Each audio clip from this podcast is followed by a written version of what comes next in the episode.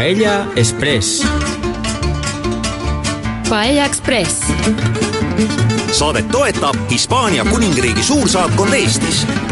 tere tulemast kuulama Paella Expressi saadet, mis viib meid reisima mööda Hispaania ja Katalaani kultuuriraadu. saadet teevad Kari Villenson, Anneli Tarto, Hector Rodriguez Alcinet ja Maria Ferreiro Lopez. See on meie viieteistkümnes ja seega viimane saade sellel hooajal.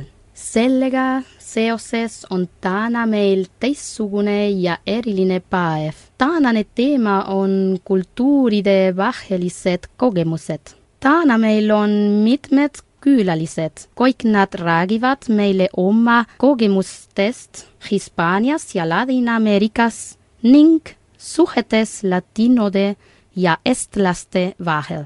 täna on meil külalisteks Sali Salusoo, kes õpib eesti ja soome-ugri filoloogiat, Gerda Spul, kes õpib geograafiat ning Halia Pilvistu, kes õpib juurat.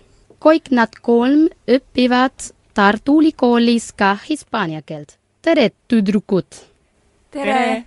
alustame sinust, Sali.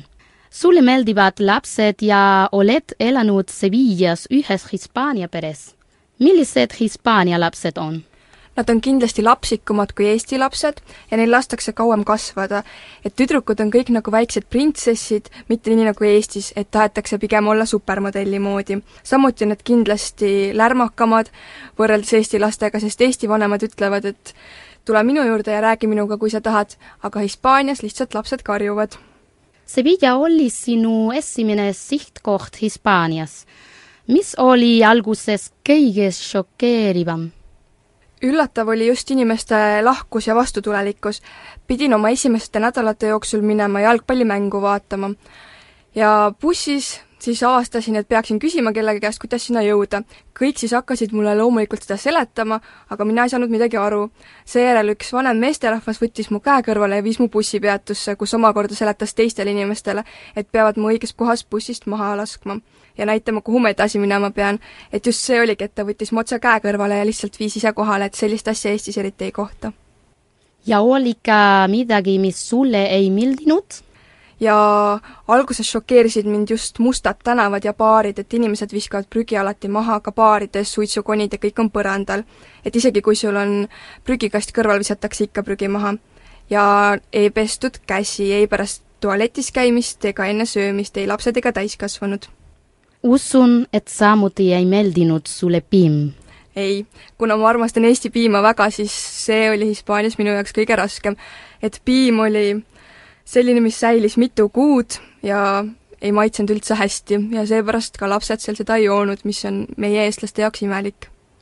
aga üldiselt meeldib sulle hispaanlaste olemus ja eluviis?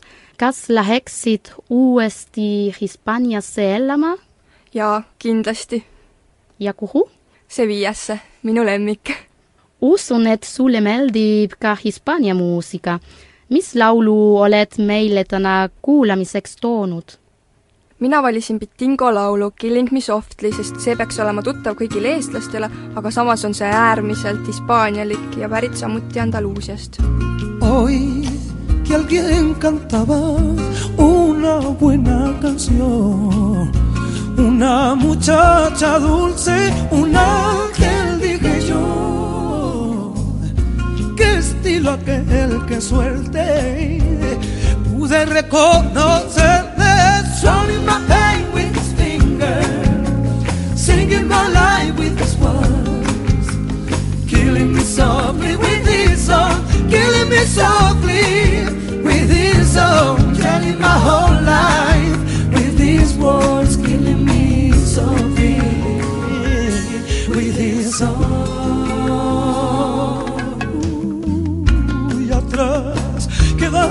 morena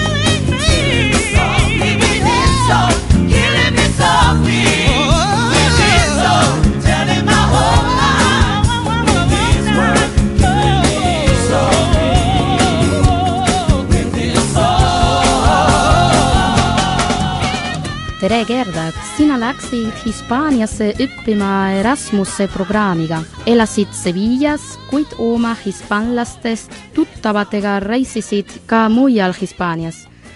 Kas on suur erinevus Hispaania ja Eesti mastike vahel? Hispaania ja Eesti loodus ja geograafia on äh, väga erinevad. et näiteks sõites Lõuna-Hispaaniast põhja poole, on väga hästi näha, kuidas äh, väga madal ja tasane ala läheb üle väga mägiseks alaks. Hispaania loodus on väga kena ja mitmekesine.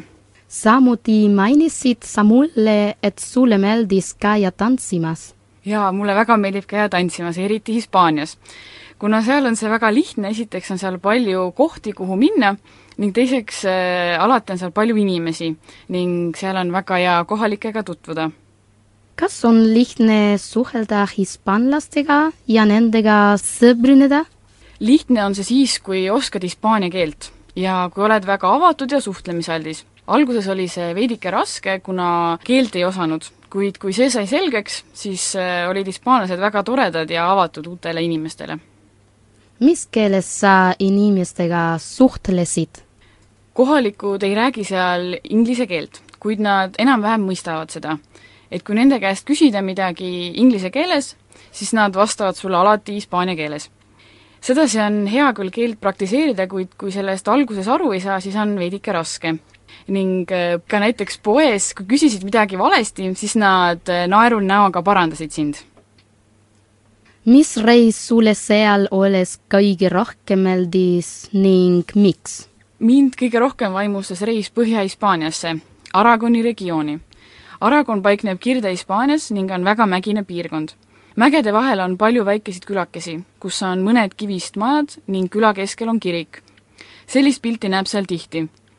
praeguseks hetkeks on paljud nendest küladest muutunud täiesti tühjaks, kuna seal ei leia tööd. Sellest on väga kahju, kuna need külad on väga-väga ilusad kas hispaanlased paistavad sulle väga temperamentsetena, eriti just meeleavaldustel? selle ühe aasta jooksul, mis ma seal olin, oli väga palju meeleavaldusi. üks, mida ma eriti lähedalt kogesin, oli tudengite meeleavaldus Bologna programmi vastu. Nad tahtsid, et säiliks nende vana kooli haridussüsteem. noored isegi magasid direktori kabineti ukse taga, et oma seisukohta näidata.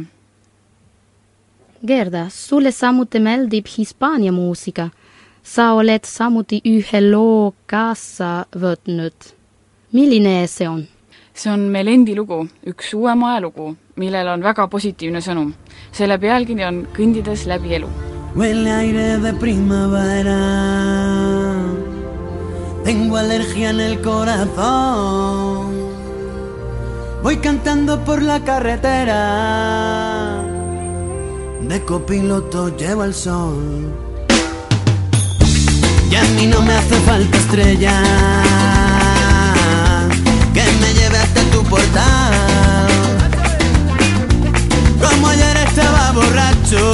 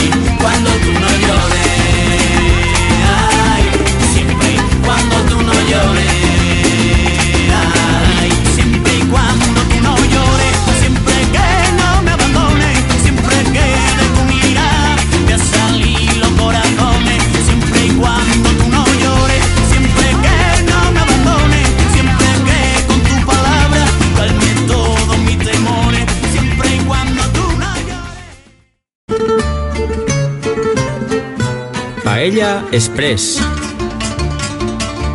Paella Express. oleme tagasi saates Paella Express. meie järgmine külaline on Halia. tere, Halia! tere! sina tulid meile rääkima Lõuna-Ameerikast. ärkasid ühel hommikul üles ja otsustasid minna sõbranaga koos mitmeks kuuks Lõuna-Ameerikasse reisima. Miks? ma tahtsin teada rohkem selle kohta, kuidas maailm toimib ja lootsin leida uusi mõtteviise ning äh, uut vaatenurka oma elule. sa käisid Peruus, Ecuadoris, Boliivias, Kolumbias, Venezuelas ja Brasiilias. milline riik sulle kõige rohkem muljet avaldas? Äh, mulle avaldas kõige rohkem muljet Kolumbia, sellepärast et äh, Kolumbial on maailmas väga halb maine.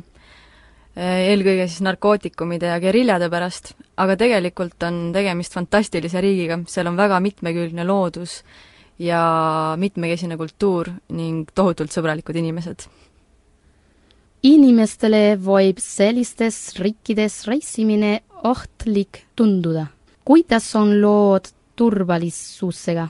Kui rääkida Kolumbiast, siis äh, kümme aastat tagasi oli seal kindlasti palju ohtlikum. isegi äh, kolumbialased ei julgenud mööda maanteed reisida, sellepärast et nad kartsid langeda geriljade ohvriks.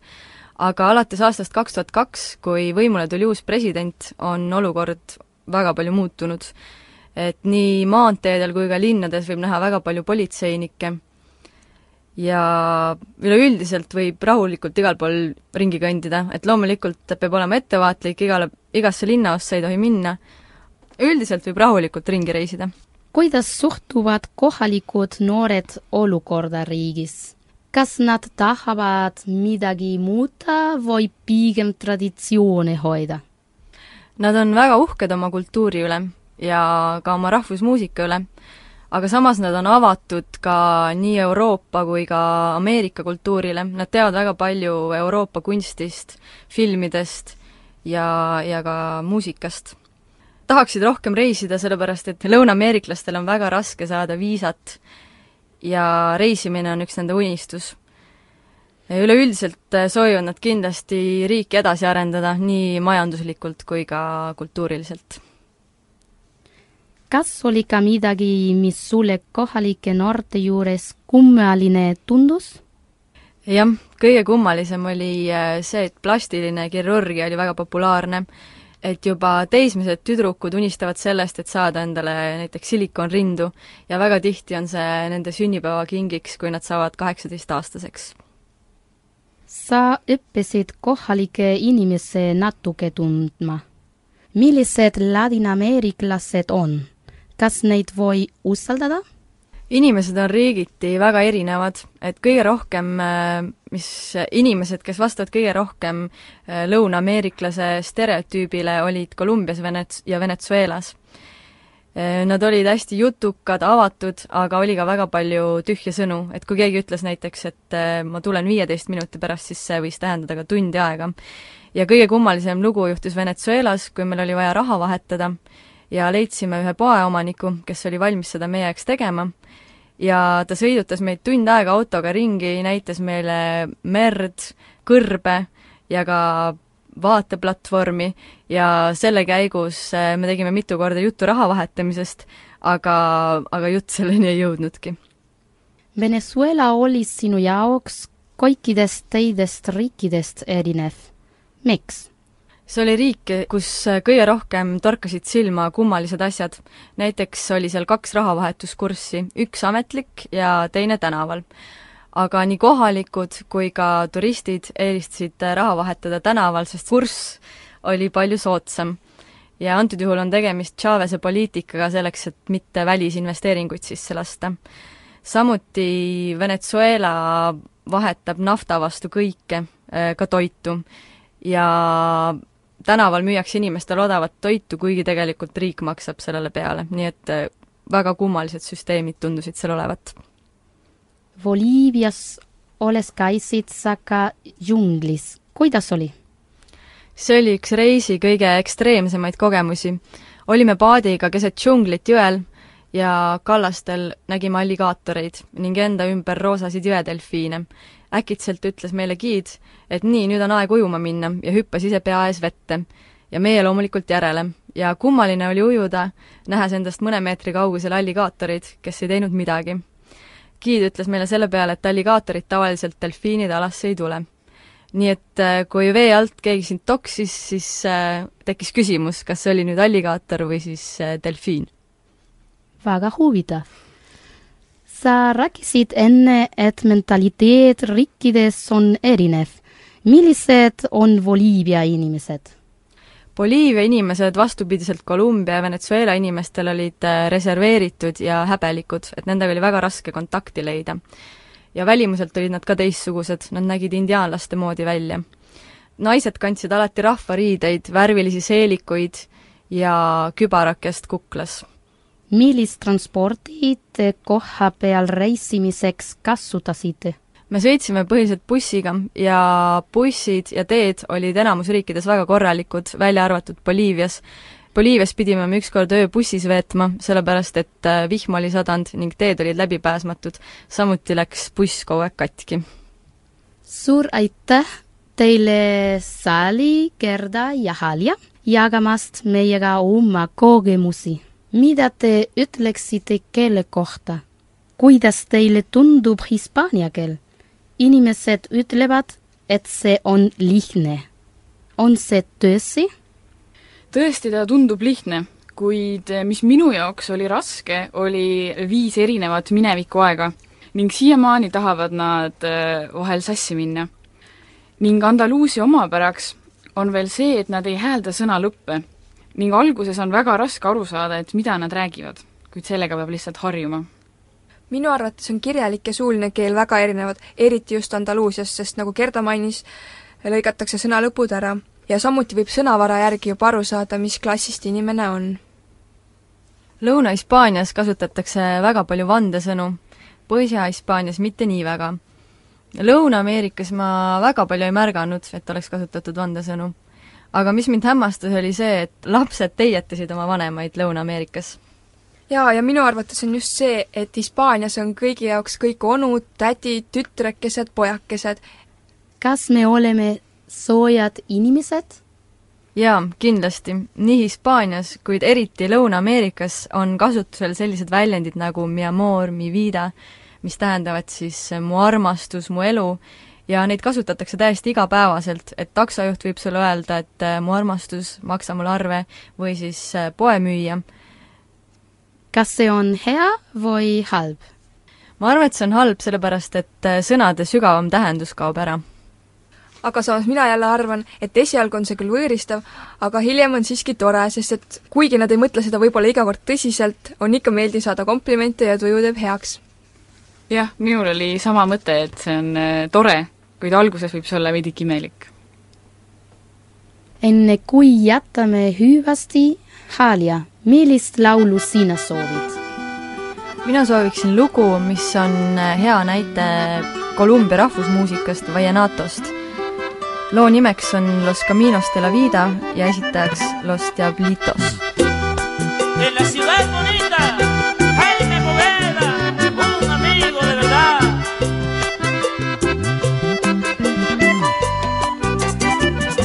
Caminos de la vida no son como yo pensaba, como los imaginaba, no son como yo creía.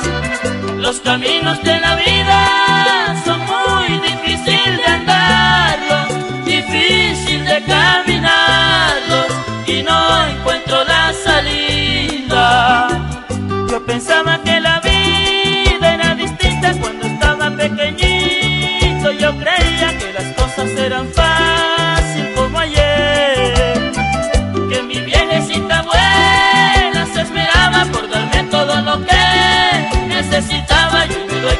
tan fácil no es. Porque mi viejita ya está cansada de trabajar para mi hermano y para mí. Y ahora con gusto me toca ayudarla y por mi vieja luchar hasta el fin. Por ella luchan hasta que me muera y por ella no me quiero morir. Tampoco que se me muera mi vieja, pero que va si el destino es así. Los caminos de la vida no son como yo pensaba, como los imaginaba, no son como yo creía. Los caminos de la vida son muy difícil de andarlos, difícil de caminarlos.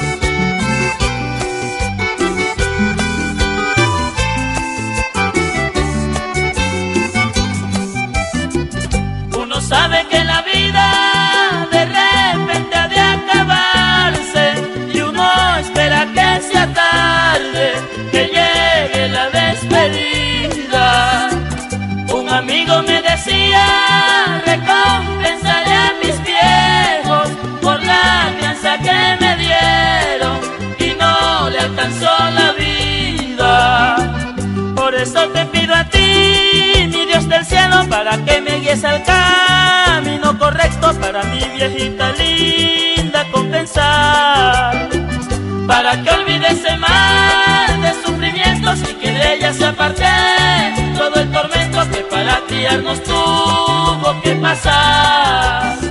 nagu eelnevates saadetes oleme korduvalt maininud, moodustub Hispaania paljudest erinevatest kultuuridest, rahvastest, keeltest, loodusmaastikest, söökidest ja olemisviisidest. rääkimine, söömine ja elu naudimine on ühine kõigile piirkondadele. ainus, mis meile omane ei ole, on vaikus. Ei ole juhus, et hispaania keelt nii palju räägitakse. kui vaadata teisel pool Atlandi ookeani elavaid rahvaid, võime öelda, et vaatamata erinevustele komedes, traditsioonides, elukorralduses või maailmavaates, siis kõikjal kostev hispaania keel lihtsalt kutsub rääkima kuna täna on ikkagi meie saatesarja viimane saade, siis on ülim aeg ka enesekriitika jaoks. kuidas siis me ise kõigesse sellesse suhtume? see enesekriitika tähendab seda, et äh, kuidas hispaanlased iseennast võrreldes teistega näevad. seega, kuidas eristada üht hispaanlast teiste hulgast? kindlasti on füüsilised valimaarajad, mida kõik teavad ja ka seda, et hispaanlased räägivad kõva häälega, gestikuleerivad palju ning vanuvad. kas vandumine on siis nii tavaline, kas see vestluskaaslast ei morjenda ega ole liiga vulgaarne? võib-olla vanemale põlvkonnale on argivestluses kõlab vandumine ebaviisakas, eriti kui see naisterahvaste süs kostub. aga aja jooksul on kõik sellega ära harjunud ega tundu enam kohatu. hispaanlastega seostub kindlasti ka rohke komplimentide tegemine. mehed vaatavad habitult naistele järele, teevad komplimente ja vilistavad.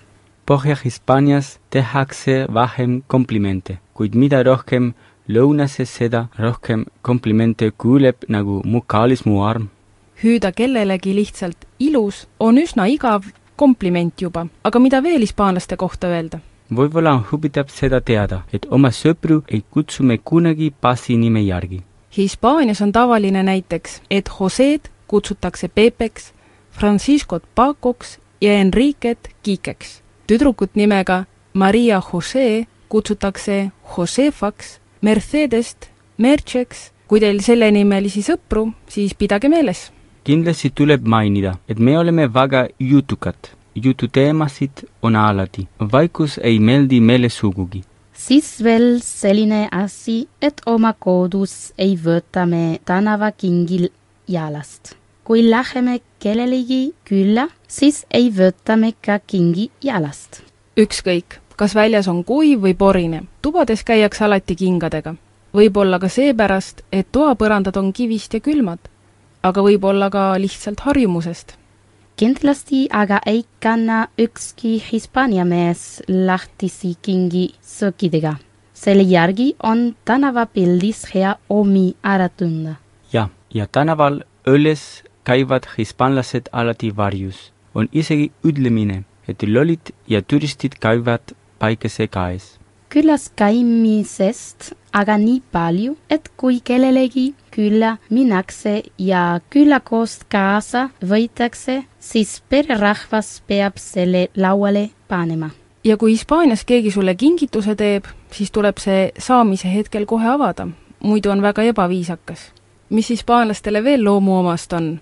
tegelikult on veel palju, milles rääkida. aga kuulame, mis meie tänane külaline Theresa kultuuri erinevustest arvab. Hoy hablamos sobre diferencias culturales. Nuestra invitada de hoy es Teresa täna räägime kultuuri erinevustest.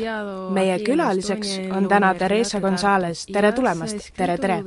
sa oled õppinud siin Eestis Tartu Ülikoolis ja kirjutasid oma magistritöö kultuuri erinevustest hispaanlaste ja eestlaste vahel töösituatsioonis. mul oli võimalus viia läbi uurimus ühes Hispaania ettevõttes, mis oli tegev ka siin Eestis ja see tegi kõik selle lihtsamaks võimalikuks. mida sa siis uurisid? uurisin seda, kuidas eestlastest ja hispaanlastest töötajad ühes ja samas ettevõttes hindasid selle firma väärtusi.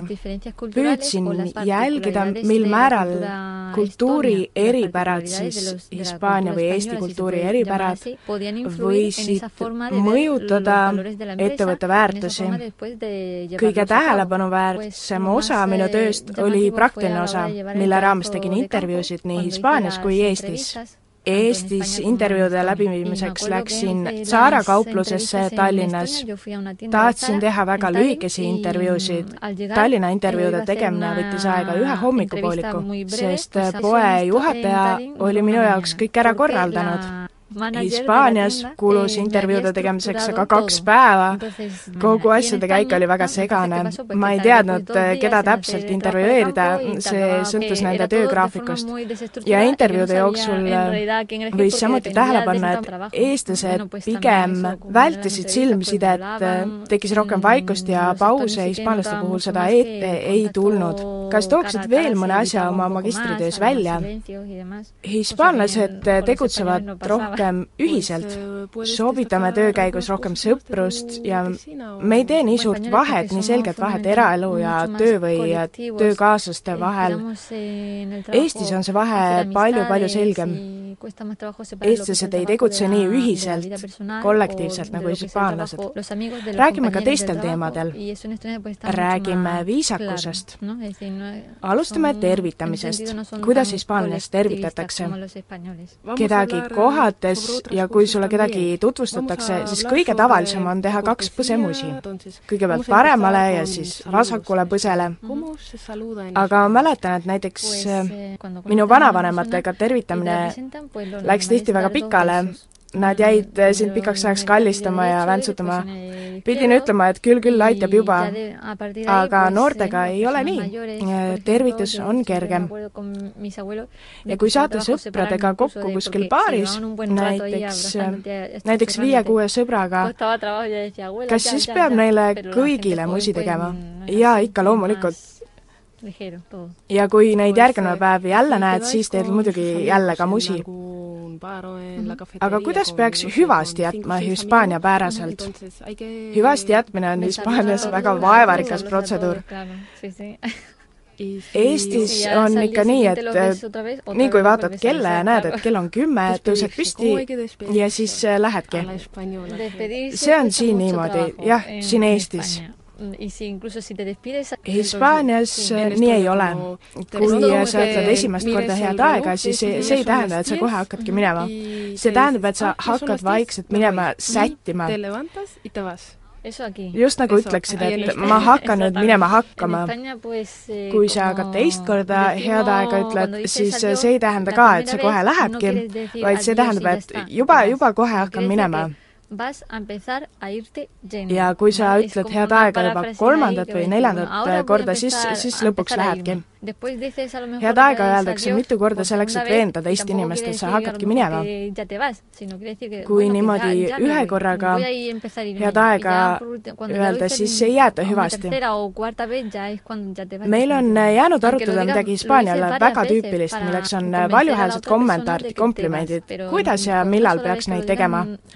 on inimesi, kes teab selle kohta väga palju, kellel on isegi oma teooriad selle järele hõikamise kohta.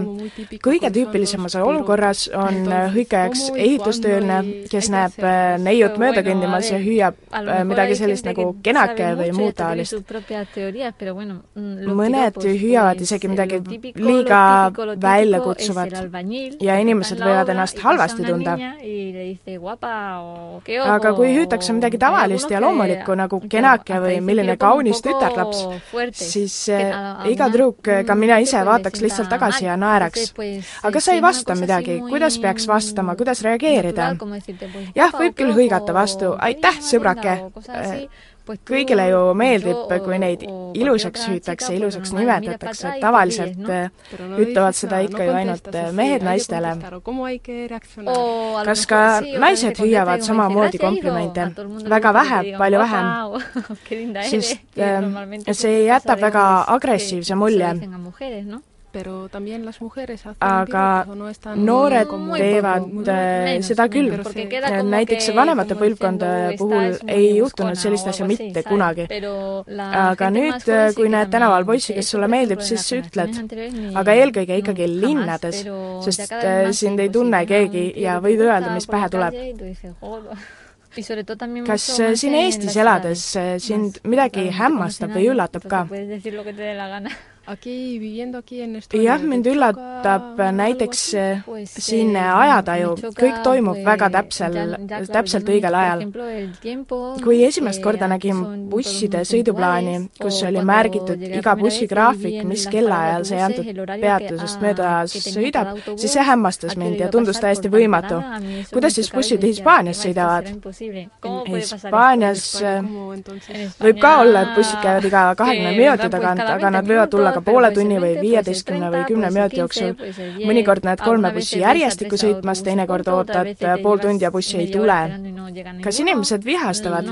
jaa, loomulikult ikka vihastavad, aga see ei lähe kaugemale lihtsalt vihastamisest eelkõige just Lõuna-Hispaanias on niimoodi, et teeme suuri sõnu, aga pärastpoole ei tee neid sõnu teoks avaldame tänavatel palju meelt, vihastame, isegi teeme bussijuhile seda ja teist. Või mida iganes, aga pärastpoole ei esita me kirjalikku kaebust, mis siis äh, annaks asjadele ametliku käigu. mis mind veel on siin hämmastanud, on söögiajad. näiteks keskpäeva või ühe ajal süüa on minu jaoks raske. loomulikum oleks süüa kahe-kolme aegu ja eelkõige just õhtust süüa hiljem. näiteks kuue ajal ma ei suuda süüa, see on väga raske. Kodus sööme kümne ajal, suvel isegi keskööl, sest eh, ilm on nii palav, et sa ei taha süüa varem. ja siis lähed magama alles kell kaks öösel, sest eh, ilm on nii soe. Eh, kas sa võiksid midagi rääkida ka kehakeele kohta? me žestikuleerime väga palju. kas sealt tuleb ka hispaaniakeelne väljend, ent küünarnukkidega väljendama? võib-olla küll, siin siin räägitakse ilma liigutamata. mulle näib see täielik müstika. hästi, aitäh, Theresa Gonzalez, et sa meile oma lugusid jutustasid. nägemist, head aega! Si hagués nascut a Roma fa més de dos mil anys viuria en un imperi esclau i àmfores al pati plenes d'oli vi i una estàtua de marbre dedicada a mi. Si hagués nascut a Roma fa més de dos mil anys faríeu l'exampú el teu cabell daurat i oferiríem bous als teus brindaríem amb soldats i ens despertaria un carro pujant per l'empedrat turistes es fan fotos on tu i jo vam esmorzar. Són les coses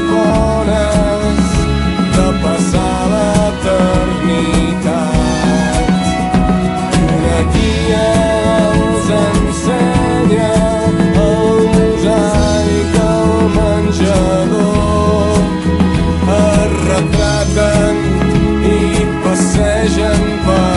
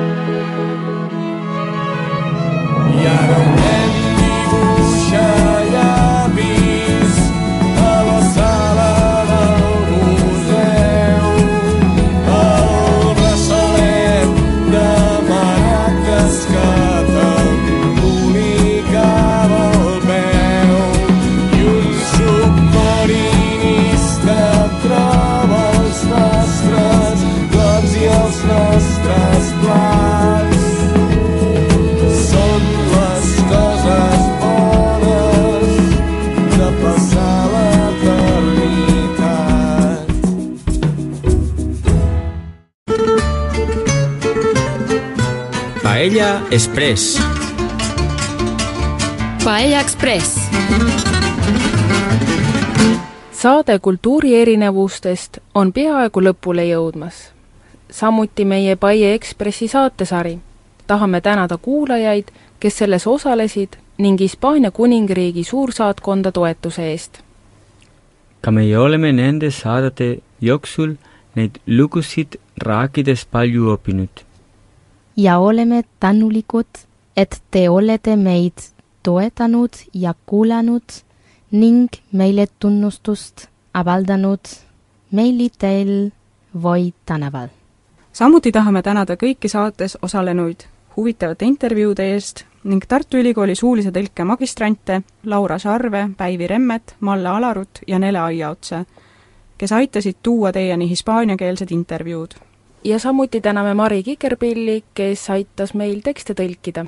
see tundub juba nagu hüvastijätt. aga enne õpime veel päevasõna ja räägime päeva tähtsast isikust. tänaseks päevasõnaks on head reisi, buen viaje. Katalani keeles on bon viaje. Galegi keeles bon viaje. Baski keeles vida ei on. aga meie tänane päevaisik? meie tänane päevaisik ei olegi seotud ainult tänase päevaga, vaid on seotud kõikide meie saadetega. tänu temale oleme saanud teha koos teiega neid Paella Ekspressi reisi ning oleme stuudios palju naernud ja head seltskonda nautinud. inimesed nagu tema annavad oma vaikse tooga hääle neile, keda näha pole. tahame tänada kõiki neid, kes pole mikrofoni ette sattunud, aga kes on meid palju aidanud ja ilma kelleta poleks seda saadet. Nii et meie tänase päeva tähtsaks isikuks on Liis Raidma, kes on meiega vapralt kõik need saated stuudios vastu pidanud ja meie tänast viimast saadet jääb lõpetama Manu Chao laul Mr Bobby, mis on plaadilt järgmine peatus, Lootus. loodame, et teil on Hispaanias toredad reisid ja et te õpite kõvasti hispaania, katalaani, baski ja galleegi keeli. aitäh kuulamast! aitäh! aitäh!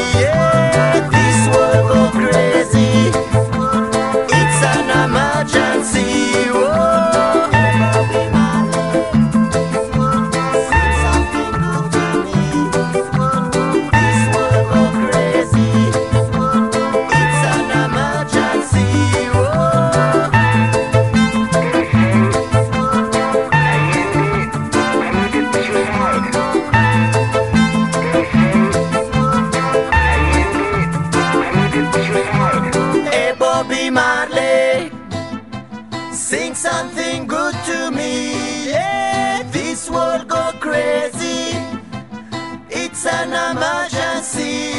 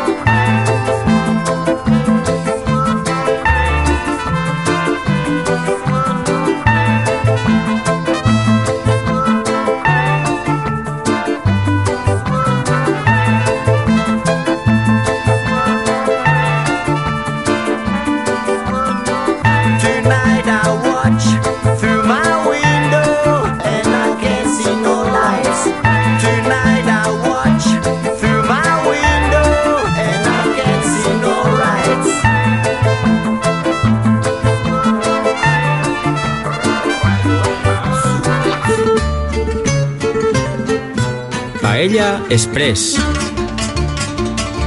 Paella Express. saadet toetab Hispaania Kuningriigi suursaatkond Eestis